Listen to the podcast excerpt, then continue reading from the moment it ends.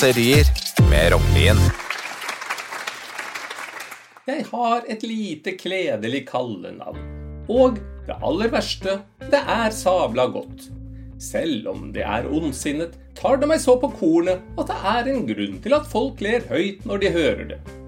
Jeg har dessverre en tendens til å gå i min egen verden.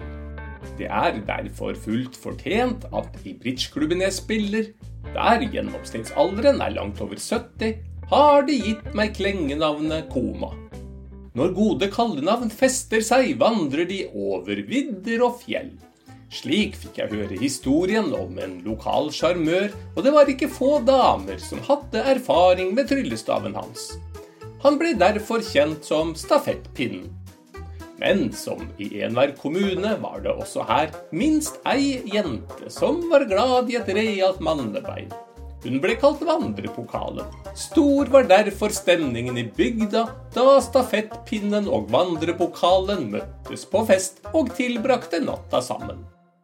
En bekjent av meg jobbet i villmarksavdelingen i en lokal sportsbutikk, og en av hans kollegaer var en riktig latsabb. Han satt på rumpa hele arbeidsdagen, med ett unntak. Når det kom inn en vakker jente, spratt han opp og ivret rundt henne og sjarmerte etter beste evne. Ikke ufortjent ble han oppkalt etter indianerhøvdingen Sitting Bull. Jeg tror da også de fleste arbeidstakere med en lav arbeidsmoral er menn. I hvert fall er det min erfaring det skal imidlertid sies at noen er verre enn andre. Så ille var en jeg fikk høre om at han bak ryggen, inspirert av de gamle romere og latinere, ble kalt for Unnalurus latus. Lat var så visst ikke denne krabaten, men spesielt høy kan han ikke sies å ha vært. Olav Hesse må ha vært lavere enn 1,65. En gang gikk han sammen med venner i åkeren, og etter sigende ble han borte borte, gjemt mellom alle kornstråene. De kunne bare høre ham når han pratet. Han ble umiddelbart døpt til Hesse, stemmen i gresset. Men det er ikke bare mennesker som får navn de kunne ha klart seg uten. Jeg overhørte en samtale en kvinne hadde med ei lita jente. Hun var kanskje fire år gammel, og de to kom i prat om pusen hennes.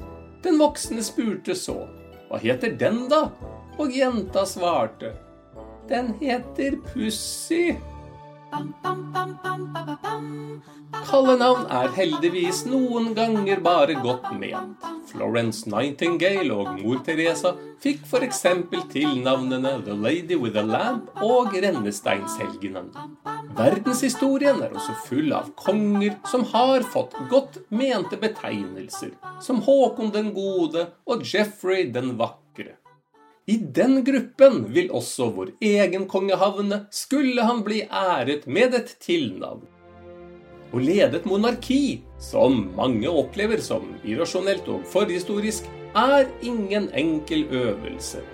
Og han er ikke blitt velsignet med et barn som har gjort jobben spesielt lettere. Antagelig har det vært helt avgjørende at han har lyttet til hjertet. Slik fikk han selv sin Sonja etter mye dramatikk, og på samme vis har både Håkon og Märthas kontroversielle valg av partnere blitt møtt med velsignelse. Edvard den åttende, kongen som abdiserte for å få sin Wallis Simpson, er ikke lenger alene. Også Norge har fått sin kjærlighetskonge. Når det kommer en dag da det skal reises en statue over kong Harald 5., bør den avdukes 14. februar. Dessverre tok også han alt for Norge til sitt valgspråk. Det burde ha vært alt for kjærligheten.